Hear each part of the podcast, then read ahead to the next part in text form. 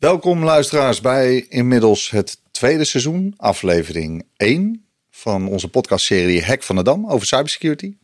Mijn naam is Jasper Glazen. Ik doe dat natuurlijk niet alleen. Dat hebben jullie in het afgelopen seizoen ook uh, kunnen zien en horen. Uh, maar natuurlijk samen met Martijn. Martijn, welkom weer. Ja, dankjewel. Het is wel een lange stop geweest sinds het vorige seizoen. We hebben volgens mij een heerlijke vakantie gehad. En ja. uh, gevraagd of alle hackers en alle cyber-evenementen of wat dan ook buiten de deur konden blijven. Ja, dat is niet helemaal gelukt in die zin. Nee. Volgens mij niet, hè? Nee. Ehm, deze aflevering gaan we het hebben over onder andere hybride werken. Maar zoals we gewend zijn natuurlijk, kijken we altijd eerst even wat er inderdaad in de afgelopen tijd in de media is gebeurd.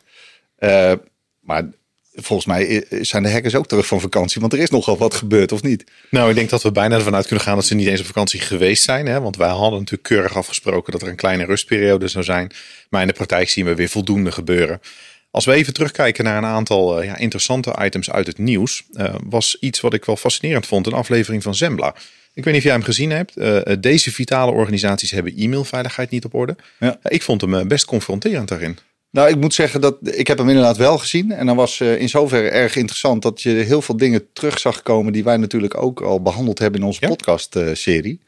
Uh, waaronder uh, je kunt kijken natuurlijk naar het niet hebben geleverd van kaas bij de Albert Heijn. die vervoerder was gehackt.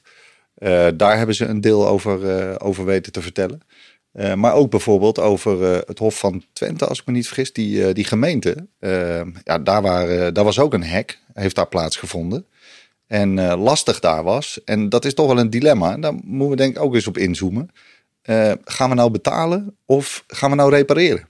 Ja, ik denk dat dat een, een hele lastige vraag is. We hebben natuurlijk in de podcast die we hadden vorig jaar met, uh, met Willem Zeeman van Fox IT, kwam natuurlijk ook al die vraag naar voren. Hè? Betaal je wel, betaal je niet? En, en wat is dan zeg maar hetgeen wat je in de weegschaal legt? Uh, ik vond het wel even, ja, toch nog zo schrikbarend om te zien. 43 van de 100 organisaties die het eigenlijk niet op orde hebben. Toch gezien van dat het vitale organisaties zijn. Dat zegt wel weer wat. Um, anderzijds denk ik wel dat juist die aandacht besteden in zo'n aflevering een goede manier is om die trigger weer naar voren te halen. En want wij merken ook dat onze klanten toch zoiets hebben. hey, ik heb iets op televisie gezien. Moeten wij hier ook niet iets mee doen? Ja, en vitale dat is, uh, organisatie met name die ook relevant zijn natuurlijk in uh, het dagelijks leven. Absoluut, absoluut. Maar ik denk, uh, je haalde hem net mooi aan, het wel of niet betalen. Ik denk dat dat een heel een lastig vraagstuk is voor veel organisaties. En ja, hier zag je natuurlijk dat het Hof van Twente uh, nadrukkelijk vertelde: wij hebben niet betaald. We hadden voor 7 ton kunnen afkopen. Hebben besloten te herbouwen, dus ja. niet, niet te gaan betalen. Ja, dat heeft uiteindelijk natuurlijk wel 2 miljoen gekost. Dus ja, je hebt de keuze gemaakt om het niet te doen. Maar je ziet wel dat dat een serieuze impact natuurlijk ook heeft. Vooral financieel in dit geval. Ja, nou wat wel aardig is, vind ik zelf, dat, dat de transparantie daarover wel uh, verhelderend is. Hè? Ik bedoel, uh, we geven criminelen geen podium door toch te betalen. Hè? Ik denk dat andere partijen die geraakt zijn door het een of het andere wat, wat ja, misschien wat schimmiger daarover doen. Niet uh, de openheid van zaken geven of ze nou wel of niet betaald hebben. Ja, dat is een mooi bruggetje, denk ik, naar, ja. uh, naar het tweede item. Uh, ja, de hack op VDL. Ja. Dat is natuurlijk een, een, een grote organisatie. een bekende organisatie. En daar zie je eigenlijk het tegenovergestelde nu gebeuren. Men weet dat er iets speelt. Men weet ook dat de, de productiestils komen te liggen. Maar daar is het helemaal stil. En ik denk dat je daar ook heel goed naar voren ziet komen. Dat niet iedere organisatie op dezelfde manier reageert. Ja, met deze impact is natuurlijk ook groot. Ja, de impact is waanzinnig groot. Uh, maar het is natuurlijk wel zo op het moment dat je daar uh, de informatie achterhoudt en niet over communiceert. Uh, enerzijds kan ik dat begrijpen, want er zit natuurlijk een beetje een, een, een ja, misschien een schaamtegevoel of, of een reputatieschadegevoel bij. Ja, precies. Anderzijds is het wel zo dat je organisatie natuurlijk niet helpt door het uh, uh, onder de mat te vegen en stil te blijven. Nee. En dat is natuurlijk de keerzijde van, uh, van hetzelfde vraagstuk.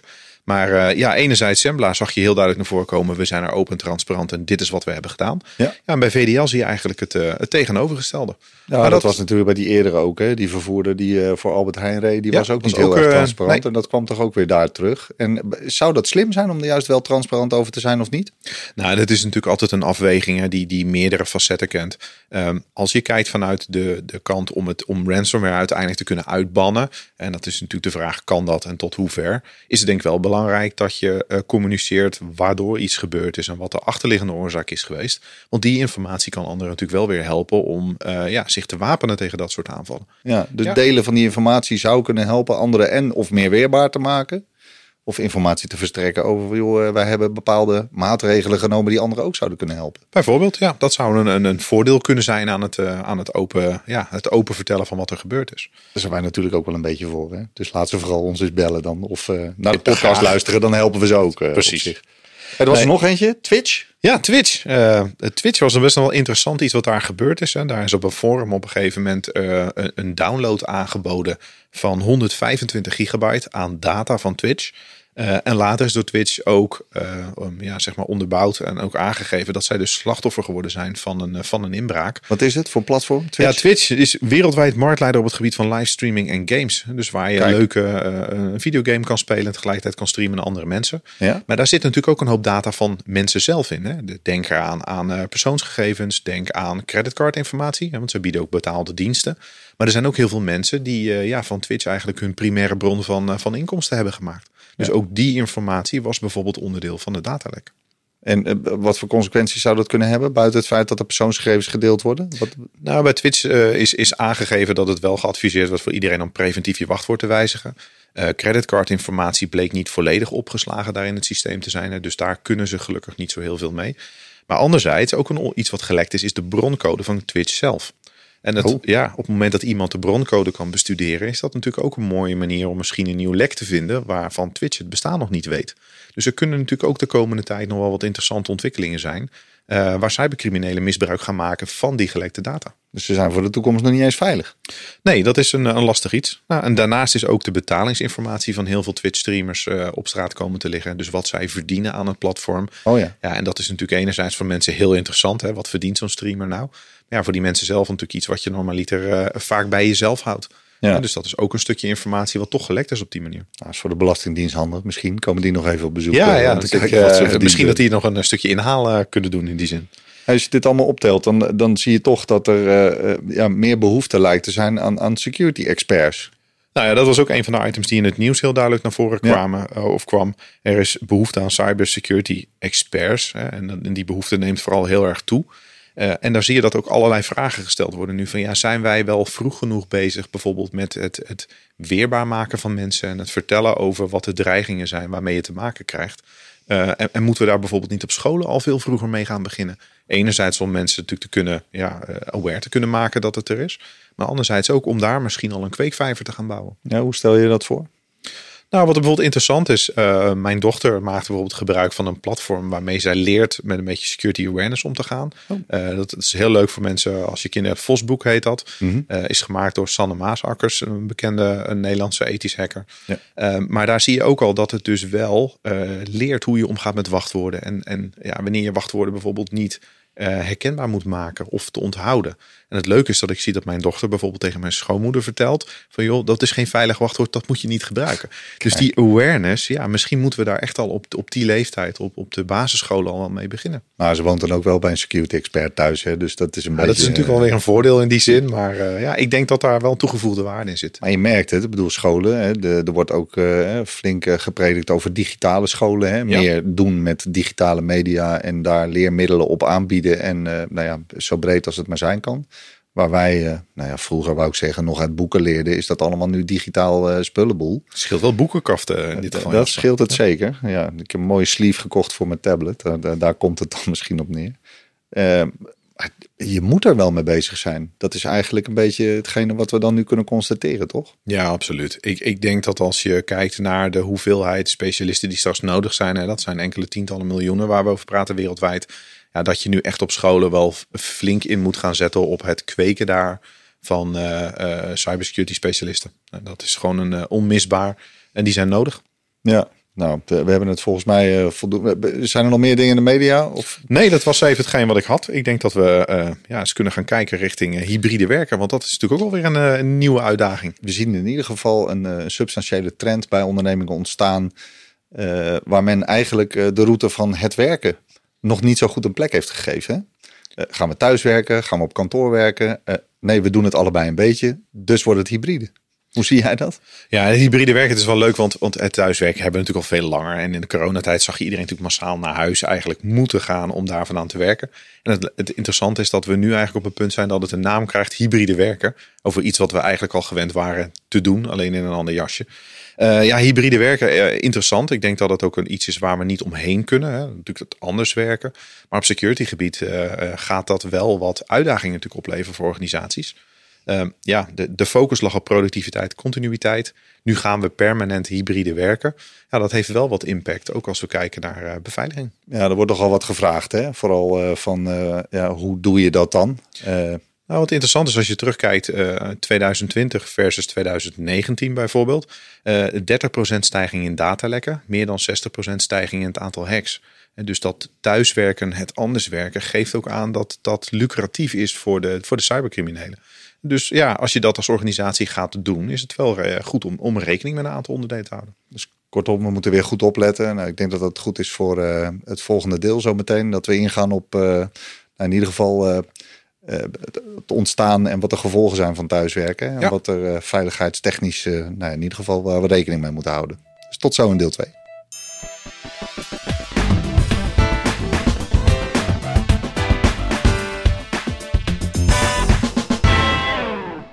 Welkom terug bij deel 2 van onze podcast. we gaan het hebben over de onveilige situaties die ontstaan als het gevolg van thuiswerken, Martijn klinkt een beetje alsof we allemaal met uh, allerlei apparaten richting huis gaan. Hè? In theorie is dat natuurlijk wel wat we doen.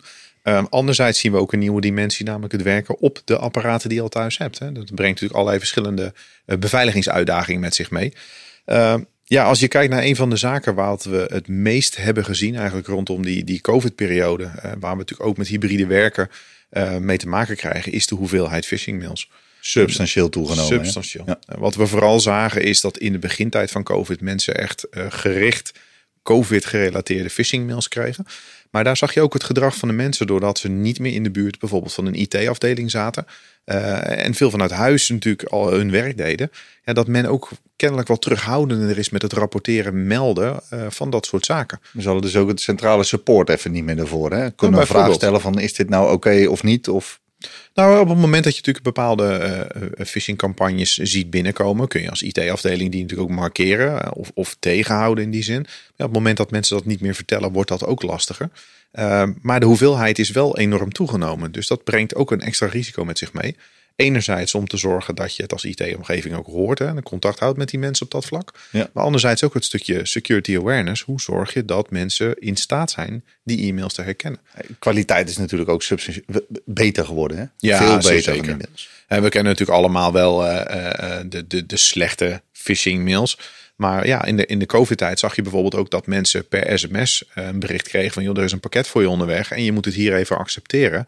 Ja, dat was niet heel raar, aangezien bijna alles wat je deed per pakketdienst in één keer thuis kwam. Ja. En dat zijn toch dingen waar die cybercriminelen uh, ja, graag op inspelen. En wat ook wel een oprechte dreiging is waar je mee te maken hebt. Ja, je zei het net al ook even. De, de, de middelen worden niet alleen mee naar huis genomen. Maar er zijn ook andere middelen thuis die beschikbaar zijn. Die nu ineens voor werk worden ingezet. Eh, de thuis-PC? Ja, dat is uh, bijna te eng om te noemen. Maar als je natuurlijk kijkt, we, je, je gaat vanuit een veilige IT-omgeving die beheersbaar is. Ga je ineens thuiswerken op een device wat misschien van jou privé is. Ja. ja. dat is hetzelfde apparaat waar de kinderen misschien lekker op zitten te gamen. Hè, waar een beetje Minecraft op gespeeld wordt. Af en toe wat gedownload en geopend. Ja, we weten niet of daar een virusscanner op staat. Of hoe de beveiliging daarvan is. Hebben mensen dat nou echt niet op orde? Of uh, zijn ze onvoorzichtig? Of... Nou, wat, er zijn wel mensen die er bewuster mee bezig zijn. En ik denk ook dat er heel veel organisaties zijn die mensen daarmee helpen door die risico's kenbaar te maken. Maar ja, op het moment dat kinderen bijvoorbeeld vrij spel hebben op een, op, op een computer, ja, dat is toch lastig om daar grip op te houden. Uh, op dezelfde manier zoals je normaal gesproken je kantooromgeving zou beveiligen. Ja, je hebt niet uh, de, de IT-organisatie achter je staan natuurlijk die je daarbij kan helpen en ondersteunen. Hè, en dat, dat is één. Ja, maar ook de, de, de, de, ja, zeg maar de preventieve maatregelen. Denk aan, aan software om dingen in de gaten te houden, te blokkeren. Uh, dat heb je op die machines ook niet. Uh, het zou natuurlijk ook heel raar zijn als de IT-omgeving volledig beheer en beleid voert over jouw privécomputer. Dat klinkt natuurlijk ook niet logisch. Ja. Dus ja, het werken op eigen apparatuur, dat is denk ik oprecht een risico waar uh, je als organisatie ja, het liefst wel uit de buurt blijft. Of faciliteiten voor uh, inregelt, waarmee je dat risico gewoon heel veel heel stuk kleiner kunt maken. Ja. Toch zijn er wel veel providers, merk ik ook, hè, die ook wel van dit soort veiligheidsdiensten wel aanbieden al hè, voor thuisomgevingen. Dus als je een internetverbinding hebt van, nou noem eens wat, KPN, Ziggo, wat dan ook. Er zitten vaak al wel wat beveiligingsmiddelen die je binnen je abonnement gewoon kunt gebruiken. Ja. Gebruiken mensen die dan niet? Nou, er worden wel, gewoon niet? dat wordt wel veel gebruikt. Hè, want eh, bijvoorbeeld de gratis virusscanner is daar een mooi voorbeeld van. Ja. Uh, maar ja, toch zie je ook in de praktijk dat ja, mensen ook wel bindelings ervan uitgaan dat als je zo'n computer normaal koopt in de winkel of installeert, dat dat allemaal al in place is. Uh, ja, en het is ook in heel veel gevallen zo dat het dan geïnstalleerd staat, maar misschien voor 30 dagen actief. En dan eigenlijk zichzelf uitschakelt en zegt, nu moet je hem kopen. Ja. Nou, dat is natuurlijk altijd lastig. Maar ja, als bedrijf zijnde ja, dan kun je daar gewoon niet op vertrouwen dat, ja, dat medewerkers dat zelf op orde hebben. En dat moet toch je uitgangspunt zijn. Ja, wij zijn natuurlijk IT'ers, dus we gaan, gaan er misschien anders mee om. Uh, ik zou er niet lekker van slapen in ieder geval. Nee. En nog andere dingen. Je hebt, uh, als je dan een, uh, een, een, thuisnetwerk creëert. wij werken hier bijvoorbeeld met, met, met ja, apparaten die firewall dingen doen en zo. En, maar hoe is dat thuis geregeld dan? Ik denk als je de straat inloopt en bij een aantal willekeurige mensen aanbelt en vraagt: Goh, hoe heb jij dat geregeld, die beveiliging? Dat zie je heel uh, glazig aan staan te kijken. Uh, want ja, je gaat er natuurlijk als consument vanuit dat je een kastje krijgt van je internetprovider. Die prik je erin, gaan een paar lampjes branden en je bent veilig up en running. Uh, ja, ik denk dat de gemiddelde consument daar niet bij stilstaat. De vraag is: van ja, is dat vandaag de dag nog iets wat je, uh, ja, waar je mee wegkomt? Ga je kijken voor het thuiswerken? Ehm, ja, bijvoorbeeld een, een firewall die je hebt of een apparaat van je provider of een ander netwerkcomponent uh, wat ertussen ja. zit. Ja, zit daar misschien niet toevallig het standaard wachtwoord nog in? Heb je die aangepast? Is dat geregeld? Dat zijn natuurlijk allemaal kleine dingen die je wel vaak zelf kunt doen, waarmee je de beveiliging ook verhoogt. Ja, en updaten, updaten, updaten. Hè, volgens mij ook die apparaten. Nou ja, apparaten updaten, zeker als het gaat om netwerkonderdelen, is des te belangrijk. Uh, maar denk bijvoorbeeld ook aan ja, hoe veilig is je wifi? Zit daar een goed wachtwoord op? Is dat veilig? Heb je hem niet openstaan voor iedereen per ongeluk?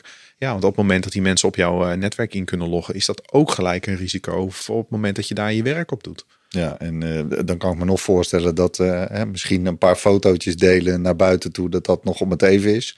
Maar je zal ook maar door een crypto-locker of iets al je data versleuteld opgeslagen hebben. Dan, ja, of data lekker, hè, wat misschien eigenlijk nog veel gevaarlijker is in die zin. Iets anders waar we natuurlijk ook steeds meer mee te maken hebben, is dat bij mensen thuis natuurlijk het, het netwerk, om het zo maar te noemen, natuurlijk ook steeds meer voorzien wordt van allerlei slimme gadgets, apparaten, domotica. Nou en of. Uh, en, en dat kan ook, als je dat niet goed doet of geen veilige apparaten hebt, ook een risico gelijk veroorzaken. Uh, voor het thuiswerken. Ja, dat allemaal zaken om rekening mee te houden. Je verlichting op afstand bedienen. Uh, ik noem maar raamschermen of noem maar, op. En dat hangt volgens mij ook nog allemaal in internet. Ja, in een van onze eerdere podcasts hebben we bijvoorbeeld gesproken over de verlichting van de Erasmusbrug hier in Rotterdam. En dan zie je dat hoe makkelijk het kon zijn. Uh, maar ja, dat kan ook de ingang zijn voor cybercriminelen om, uh, om jouw netwerk in te komen. Dus wel allemaal iets waar je ook als consument toch bij stil moet staan, dat daar risico's in zitten. Ja, dan vraag je toch af, is dat dan uh, ja, niet per se voor mijn thuisdata rendabel om bij mij in te breken, maar doordat mensen thuis gaan werken, heb je natuurlijk ook ergens een hele makkelijke ingang ook naar die zakelijke content. Ja. En dat is natuurlijk uh, wel een, uh, een belangrijk aspect. Nou, zie je het als een organisatie waar je 200 medewerkers hebt. Ineens heb je 200 sublocaties erbij. Ja. Die misschien wel op die manier gekoppeld zitten aan jouw bedrijfsnetwerk. Dus dat, ja, dat heeft wel impact over wat je aan de, aan de kant van de werkgever moet doen. Maar ook het stukje informatievoorziening naar de medewerkers toe. En dan werk ik zelf niet alleen thuis, hè, maar uh, ben ik ook regelmatig onderweg. Dus ik, ik probeer nog wel eens een, uh, een hotspotje te vinden ergens en, uh, en daar te werken. Lekker ontbijten met een McDonald's. Gelijk nou. inloggen op de hotspot. Nou ja, terecht. En ik denk dat er heel veel mensen zijn die in, in de coronatijd, maar nu nog steeds richting het hybride werken. Ja, misschien ook op plekken zullen gaan werken waar ze gebruik maken van, van een wifi-verbinding. Ehm, ja, ga daar ook altijd vanuit dat je niet kunt verifiëren of die verbinding wel betrouwbaar is. En dus dat zijn ook zaken. Uh, ga je gebruik maken van zo'n open verbinding? Zorg dan altijd dat je bijvoorbeeld een VPN-verbinding maakt. Een beveiligde verbinding over die wifi heen.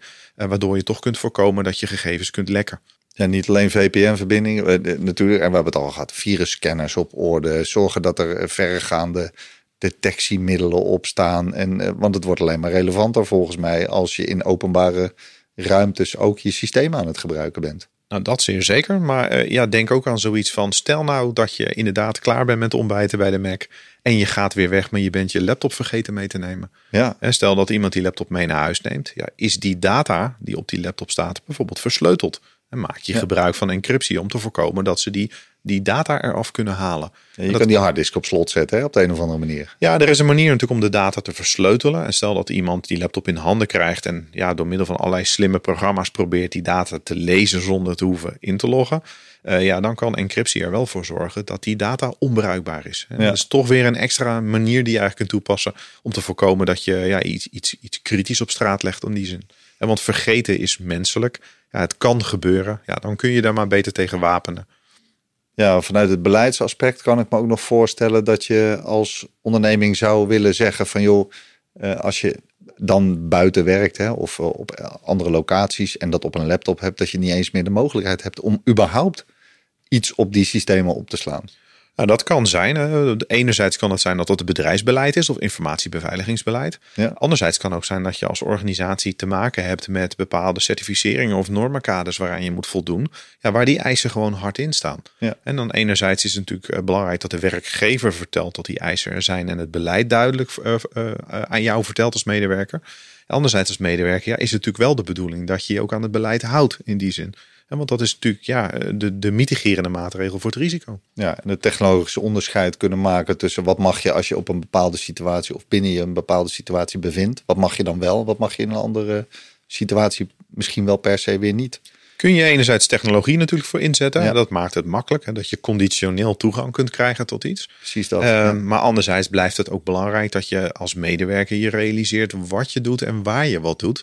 Uh, en wat het beleid is van de organisatie op dat vlak. Ja, ik heb er nog een, hè, een belangrijke. Volgens mij hebben we die ook veelvuldig genoemd. Multifactor authenticatie. Ja, als er eentje is die niet kan missen in deze lijst, Jasper, is het echt multifactor authenticatie. Uh, ja, het lijkt een beetje zo'n soort plaat die blijft hangen. Hè? Multifactor, multifactor.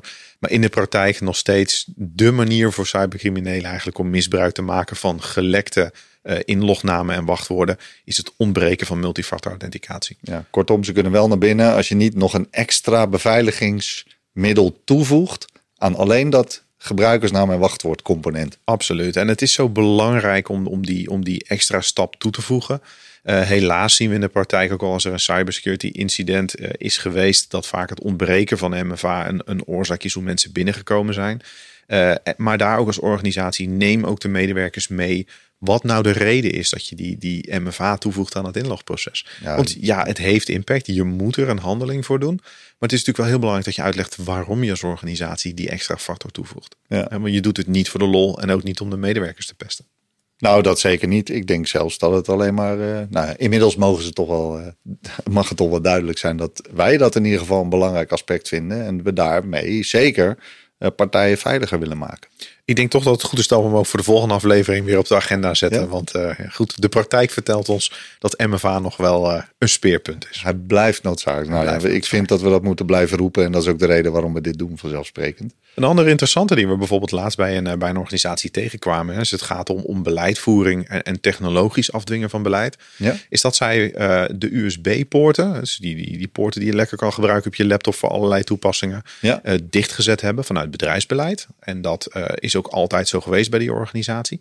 Maar doordat iedereen nu thuis moest gaan werken, eigenlijk het probleem kwam, ja, hoe sluit je dan thuis je webcam aan? Of een los toetsenbord of een printer, omdat je moet kunnen printen. Daar zie je ineens dat bij die organisatie dus het beleid eigenlijk tijdelijk technologisch uitgezet werd. Dus het beleid is niet veranderd, maar de maatregel is teruggedraaid. Ja. En dat zo'n organisatie dat eigenlijk op dat moment een beetje op een, op een kruispunt staat. Van ja, ik kan niet meer zonder. We gaan hybride werken. Het moet. Maar ons beleid is nog steeds dat we het niet willen. En daar zie je ook dat je dus eigenlijk in de praktijk ingehaald wordt door de situatie. Maar dat het ook het beleid en de, de praktijk niet goed meer op één lijn liggen. Ja, waarom is dat zo erg om een USB-poort actief te hebben? Nou, wat je, wat je ziet is, hè, de USB-poort hebben is fijn voor legitieme doeleinden. Hè, bijvoorbeeld een USB-stick of, uh, of een printer of iets anders. Ja. Maar ja, voor kwaadwillen is die USB-stick natuurlijk ook heel erg interessant. Of die USB-poort. Als ik daar iets in stop, een malafide USB-stick, kan dat ook een manier zijn om toegang te krijgen tot een machine. Of misschien hardware die niet veilig is. Misschien iets gekocht op een Chinese groothandel.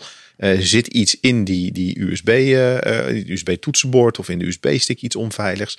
je prikt het blindelings in die machine. Ja, dat kan wel eigenlijk niet wat het doet dus. Nee, en door het gewoon simpelweg te blokkeren, weet je zeker dat het dat niet de manier kan zijn hoe het erin komt. Ja. Maar ja, dat heeft ook wel risico's. En die organisatie kampt ook wel echt met dat vraagstuk. En ik denk ook wel een legitiem, uh, legitiem iets waar je wat mee moet als organisatie. En dan hebben we natuurlijk nog uh, applicaties die je gebruikt. Hè? Uh, ik gebruik thuis misschien wel andere applicaties of appjes die ik even snel installeer dan dat ik SEC mijn bedrijfssoftware uh, toepas. Ik denk dat dat misschien voor de IT-beheerder en de security specialist van een organisatie misschien wel de grootste hel is die, die je kunt bedenken. En dat is namelijk het feit dat als je bijvoorbeeld een privéapparaat hebt waarop je dan werkt, ja, die medewerkers bepalen zelf wat ze daarop installeren. Ja, dat kan zomaar zijn dat jij als, uh, als bedrijf zegt van ja, wij gebruiken alleen maar Microsoft OneDrive. Hè, daar staat onze data. We zorgen voor een backup. We zorgen voor beveiliging. Maar dat zo iemand thuis denkt, ja, ik, uh, ik heb misschien nog gewoon uh, Dropbox. Die gebruik ik privé. Ja, daar staat misschien dezelfde data ineens in gesynchroniseerd als die ik van mijn bedrijf gebruik. Ja. Dus dat kan best wel een grote impact hebben voor de plek waar je data bewaart en waar die data uiteindelijk terechtkomt. Eh, zie je dan ook een, eh, een toename in schaduw-IT? Het, het versturen naar privéadressen van mails of dat soort dingen? Ja, wat je ziet is dat uh, dus de opslag is vaak een van de factoren, factoren die je veel tegenkomt. Uh, maar wat je terecht ook zegt, het delen van informatie, ja, dat, dat heeft ook natuurlijk wel een keerzijde. Denk bijvoorbeeld aan uh, iets als ja, een dienst als WeTransfer. Hè, dat kunnen we allemaal. Je uploadt een bestandje en stuurt het naar een collega toe. Ja. Maar op dat moment staat die data ook op een andere plek, in misschien een land waar het niet hoort te staan. En dat kan ook wel impact hebben. En dus je ziet schaduw-IT, uh, vooral de, het applicatielandschap. Ja, ik denk dat dat uh, de, de, de lastige uitdagingen zijn waar je als IT-partij gewoon mee te maken krijgt. Ja, we hebben het ook al gehad over WhatsAppjes en, en dat soort dingen. En misschien wel zelfs het delen van data daar. Hè? Ja. Zeker omdat we meer afstand tot elkaar aan het creëren zijn door hybride te werken. Uh, probeer denk ik ook misschien wel meer dat soort media of middelen te vinden om, om bestanden, data of informatie te delen. En als organisaties ben je ook niet altijd in staat om dat natuurlijk met de middelen die je hebt goed te kunnen, te kunnen detecteren en te kunnen zien. En want op het moment dat alles normaliter zich binnen jouw eigen veilige omgeving afspeelde, had je overzicht, je hebt monitoring, uh, je weet wat de risico's zijn waarmee je te maken krijgt. Ja, nu in één keer, hè, met die, die gekscherend gezegd, die 200 subvestigingen. Ja. ja. je weet niet wat zich daar allemaal afspeelt. Dus je krijgt te maken met de risico's die je misschien uh, helemaal niet wist dat die er waren. Dus voor organisaties is dit een heel moeilijk vraagstuk. Uh, ja, gelukkig is er wel allerlei, zijn er wel allerlei oplossingen voor. Ja, de vraag is maar net, heb je die al als organisatie? Of ben je budgetair in staat om die, ja, die oplossingen eigenlijk toe te voegen? Om daadwerkelijk toe te passen. Ja, want uh, ja, je moet er wel iets voor doen. Het gaat niet vanzelf in die zin. Nou ja, volgens mij is de lijst zo'n beetje oneindig. Uh, we gaan zo meteen in deel 3 kijken naar hoe je dan als organisatie veiliger wordt. Dus graag tot zometeen.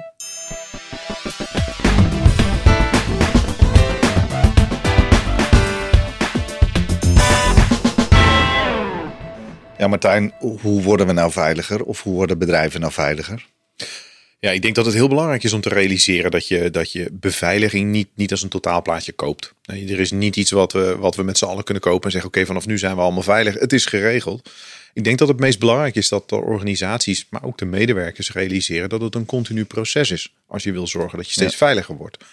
Nou, als je dan kijkt van hoe pak je dat dan aan?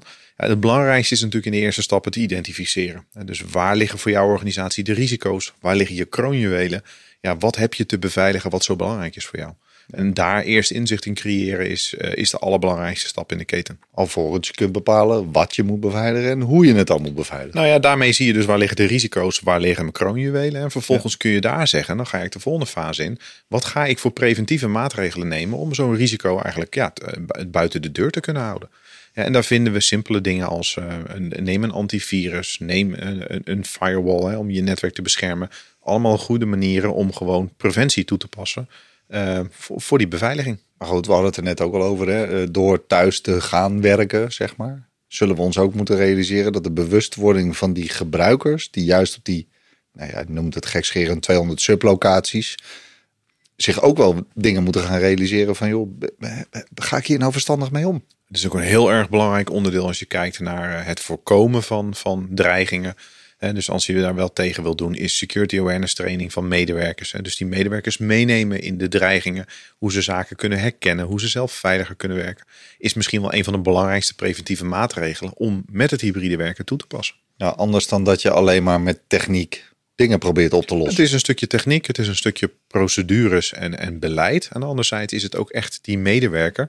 Ja, zorgen dat dat de sterkste schakel wordt van je keten. Ja, uh, nou noemen we het vaak. Hè? Ook beleid is hierin een belangrijk aspect. Uh, daar moeten we toch beginnen eigenlijk. Ja, het mooiste is natuurlijk als organisatie dat je enerzijds uh, inventariseert van nou, waar, waar, heb ik allemaal mee te maken, maar anderzijds ook gebruikt om een stuk beleid te formuleren. En dus beleid zou eigenlijk heel mooi over al die fases in, in dat veiliger worden moeten liggen.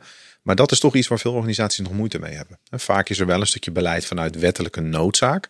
Eh, denk aan, eh, aan de AVG of, of dat soort, uh, dat soort kaders.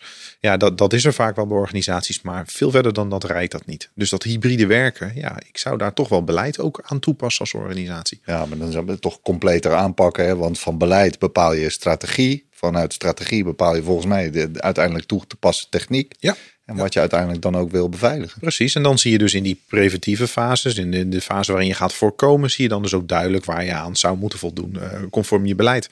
En het volgende waar we alleen mee te maken krijgen, en ook die past heel erg goed bij het hybride werken, is een stukje detectie. Stel, we hebben nou allerlei dingen uh, neergezet om te voorkomen dat we uh, last krijgen van cyberdreigingen. Ja, stel nou dat er toch iets doorheen gaat, hè? toch een phishing mailtje, toch een stukje malware. Ja. ja, hoe detecteer je dat dan zo snel mogelijk? En daar ook weer, vanuit onze veilige kaders waar we voorheen zaten in de infrastructuur, naar die 200 sublocaties, hoe detecteer ik daar nou iets buiten de deur? Ja, zijn eigenlijk, uh, dat is een onderdeel van die vier stappen die je moet doen, hè, eigenlijk. Ja, ja, en dus heb je dus identificeren, we hebben voorkomen, we hebben detecteren. En de ja. laatste ook een stukje reageren. En dan zou je nog kunnen kijken, is er ook een vijfde uh, op dat moment herstellen? Want dat zit natuurlijk ook een beetje in reageren. Ja. Maar vooral uh, doe iets met de output. Doe iets met alle informatie. Uh, zorg ook dat je het proces opnieuw weer start en opnieuw gaat identificeren. Want ja, al die technologie, al die processen, al die mensen. Dat zorgt er ook voor dat heel veel informatie terugkomt. Ja, daar moet je wel iets mee willen doen. En die vijfde is ook nog wel interessant om daar even stil bij te blijven staan. Als het nou kapot is. Nou ja, in het reageren kun je ook zeggen die vijfde herstellen. Uh, ja, je moet ook zorgen dat je misschien in staat bent om uh, iets te kunnen herstellen. Hè. Dus heb je een goede backup, test je die backup. Ja. Uh, maar weet je ook, en dan gaan we meer richting disaster recovery, zoals we dat zo mooi noemen. Maar weet je nou ook op het moment dat je alles kwijtraakt, bijvoorbeeld door ransomware, ja, weet je dan waar je gaat beginnen? En wat is het eerste wat je gaat herstellen? Wat is er cruciaal voor de business om herstel te hebben, zodat je weer ja, contact met je klanten krijgt, orders ontvangt, geld verdient. Ja, en daar, als je dat niet goed voorbereidt als organisatie, en dan zie je dat daar nog wel eens wat discussie over is intern, wie er eigenlijk voorrang heeft in het herstelproces. Ja, nou, ik denk dat je dat ook wel goed kunt vastleggen weer. Hè? Dus niet vanuit per se een beleidsperspectief, maar wel uh, een calamiteitenplan. Uh, het uitvoeren daarvan. Nou ja, het, het calamiteitenplan hebben is een heel belangrijk element. Ja. Hè? Ook waarin je vooral beschrijft wat je gaat doen op het moment dat het misgaat. Maar laten we ook alsjeblieft niet vergeten om zo'n calamiteitenplan regelmatig te testen. Dus een, een, een crisissimulatie of een calamiteitensimulatie is minstens zo belangrijk als het hebben van het. De update ook? Ja, zeker. Maar daar zie je ook hè, het verhaal van de keten. Hè. We hebben uiteindelijk in het reageren ga je weer terug naar identificeren. Dat is een ja. mooie cirkel die je volgt. Maar ook inderdaad het updaten en bijwerken van je processen, van je beleid. Om vervolgens weer opnieuw te gaan kijken. Ja, dat is wel een belangrijk element. Ja, dit zijn denk ik belangrijke tips hè, die we mee moeten nemen. En waar we ondernemingen bewust van maken. Zijn er nog andere tips die je hebt voor wat we kunnen doen? Nou ja, ik denk dat een, een, een, de drie onderdelen zijn die heel erg belangrijk zijn. En het leuke is, toevallig kwam in oktober ook een, uh, een artikel online van Microsoft. Microsoft geeft daar heel duidelijk in aan. Het patchen, het hebben van MFA en antivirus bij elkaar voorkomt meer dan 99% van alle cyberdreigingen waar je als organisatie mee te maken hebt. Dan kun je je afvragen, ligt dat dan echt zo genuanceerd? Maar ja, die drie-eenheid, ja, daar zitten meestal wel de, de, de, als die ontbreken, de plekjes waardoor cybercriminelen naar binnen kunnen komen. Of misbruik van iets kunnen maken. Kortom, nog een keer, er zijn er drie en daar kun je al 99% van alle ja, cyber... Volgens het artikel van Microsoft is dat 99%. En dan ja. zien we echt, dan kun je nog zeggen patchen. Wij zeggen het lekker Rotterdams, niet lullen maar patchen. Maar het bijhouden van je werkstations, helemaal natuurlijk nu mensen thuis zetten. Ja. Uh, en je serveromgeving, ja, dat is gewoon essentieel. Maar uh, patch 1, uh, firmware updates, het zijn allemaal dingetjes die daar onderdeel van uitmaken, mag ik aannemen. Hè? Ja, als je kijkt naar een patch zoals Microsoft het beschrijft, is eigenlijk vooral het besturingssysteem. Hè? Dus neem bijvoorbeeld je Windows 10 laptop, uh, maar denk ook daarmee aan de software die je daarop zet. Hè? Misschien iets om ja. iets in te pakken, uit te pakken, te versturen, je Office applicaties. Ja? Daar kunnen ook beveiligingslekken in zitten. Ja, en er komen regelmatig updates vanuit de leverancier. Dus ja, installeer die ook. En als organisatie ja, verplicht ook dat dat gebeurt. En dat is de enige manier om te zorgen dat je daar grip op kunt houden. Ja, het is niet alleen maar het operating systeem hè, van, uh, van de werkplek die je moet updaten, maar ook de rand ja, applicaties, zeg maar. Ja, een applicatie van derde op zo'n systeem kan eigenlijk net zo'n groot risico vormen als, uh, als een, een lek in het besturingssysteem. Dus ja, patchen, patchen, patchen. Ook voor de werkplekken thuis, ook voor het hybride werk. En je noemde hem toch weer, hè? patchen, multifactor, multifactor authenticatie. het is net alsof Microsoft het van tevoren wist dat we hem uh, gingen adresseren. Maar ja, je ziet ook, hè, ook Microsoft geeft ook aan het niet hebben van MFA. Dan kun je zeggen, nou misschien hebben zij daar commercieel belang bij. Maar in heel veel omgevingen kun je het gratis aanzetten. Hè? Dus hoef je er niet eens iets voor te kopen. Nee, zit standaard in de techniek hè, ervan. Ja, ja. zeker. Dus het is ook zo zonde dat je als organisatie eigenlijk geen gebruik van maakt. Want soms kan het dus echt letterlijk kosteloos. Ja. ja en dat is toch een belangrijke maatregel. Ja, en de laatste, antivirus ja, is belangrijk om te hebben. Persoonlijk zeg ik van ja, ga toch meer naar endpoint detection en response. Dus ook iets wat meekijkt met wat op die machine gebeurt. Ja. Uh, daar zit eigenlijk wel uh, de beveiligingslaag in de basis. Want dat doet specifiek natuurlijk het oneigenlijk gedrag van de machine isoleren en zorgen dat het niet verder ja, verspreidt eigenlijk. Of, of dat er iets geks kan gebeuren. Hè? Ja, even als we het heel erg plat slaan. Antivirus reageert natuurlijk op bekende virussen en, en malware. Dus dingen die we al kennen of waar we van weten dat het iets geks doet. Die endpoint detection en response kijkt onder wat verder van. Stel, ik open een, eh, een offerte in Word. Dat documentje krijg ik per e-mail. Ik open het. Is het dan logisch dat daar een scriptje onder water wordt uitgevoerd? Of iets wordt gedownload door dat, door dat Word-bestand? Ja. Dat zijn allemaal uh, ja, zaken waar zo'n endpoint detection en response gewoon op in kan grijpen. En dat detecteert. Nou, volgens mij voldoende tips. En we hebben ook nog voldoende afleveringen te maken. Dus we komen vast nog terug op, op een aantal van deze. Ehm, een vraag van een luisteraar. Marcel Ruiter, die uh, stuurde een reactie op. Hij is uh, Information Security Officer. En die, uh, die suggereerde dat de, de rol van de CISO wat onderbelicht is. En volgens mij hebben we daar wel iets aan gewijd, maar heeft hij gelijk? Ja, ik denk dat hij zeker gelijk heeft. Als je kijkt naar cybersecurity, praten we natuurlijk heel vaak over het operationele deel. En dan zit je natuurlijk vaak op het niveau van de IT-manager of de uitvoerende van een IT-omgeving waar we te maken hebben met cybersecurity. Als je kijkt naar de CISO, de Chief Information Security Officer, ja, dat is veel meer een strategische plek in de organisatie waar je bezig bent met ja, de beveiliging, maar vooral ook het risicomanagement op het gebied van cybersecurity. Uh, ik denk dat hij daar echt uh, zeker een goed punt heeft. Wat we wel zien in veel organisaties is dat ja, het hebben van een voltijd CISO ook wel een, uh, ja, een financiële uitdaging is. Ja. Hè, want het, zo iemand kost geld. Hè. Je zet iemand strategisch op directieniveau eigenlijk neer. En veel organisaties hebben die rol ook niet ingevuld. Een verantwoordelijke functie, zeg je? Een zeer verantwoordelijke functie. Maar ik denk ook de plek waar je moet beginnen met, als het gaat om het managen van cybersecurity risico's, is in die directiekamer. En daar is de CISO uitermate geschikt voor. Want die staat eigenlijk als adviseur daarnaast. Uh, maar ja, ik, ik ja, prima punt wat Marcel aangeeft. En ik denk dat er veel organisaties zijn die nog wel kampen met dat vraagstuk op dit moment. En hoe, uh, hoe is dat op te lossen?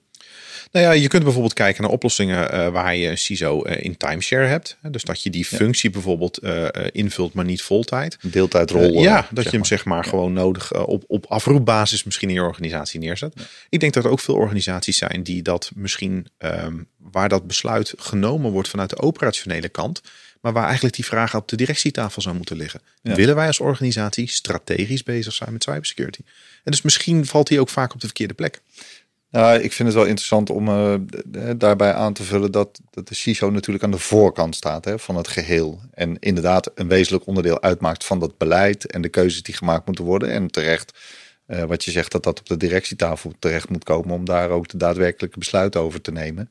Veelvuldig hoor je natuurlijk pas achteraf, oh er is allemaal spannende dingen gebeurd en we hebben het gerepareerd. Hulde voor iedereen die het gerepareerd heeft. Maar dat preventiekader, ja, dat, dat zie je eigenlijk niet terug. Want er gebeurt dan niks. Ja, ik denk dat dat de spijker op zijn kop is. Het leuke is wel, hè, want we krijgen de vraag, uh, wat leuk is uh, in dit geval, en ik hoop dat hij natuurlijk uiteraard ook naar deze aflevering luistert, is dat we wel een uh, episode van deze podcastserie gaan wijden aan de CISO, waarin we gaan kijken van ja, wat is nu het succes van een CISO in een organisatie. Dus ik denk een goed punt waar hij mee komt. en ook leuk dat we die later in het seizoen zeker gaan adresseren. Nou, een mooi bruggetje naar de overige onderwerpen die we denk ik ook gaan aanhalen voordat we afsluiten.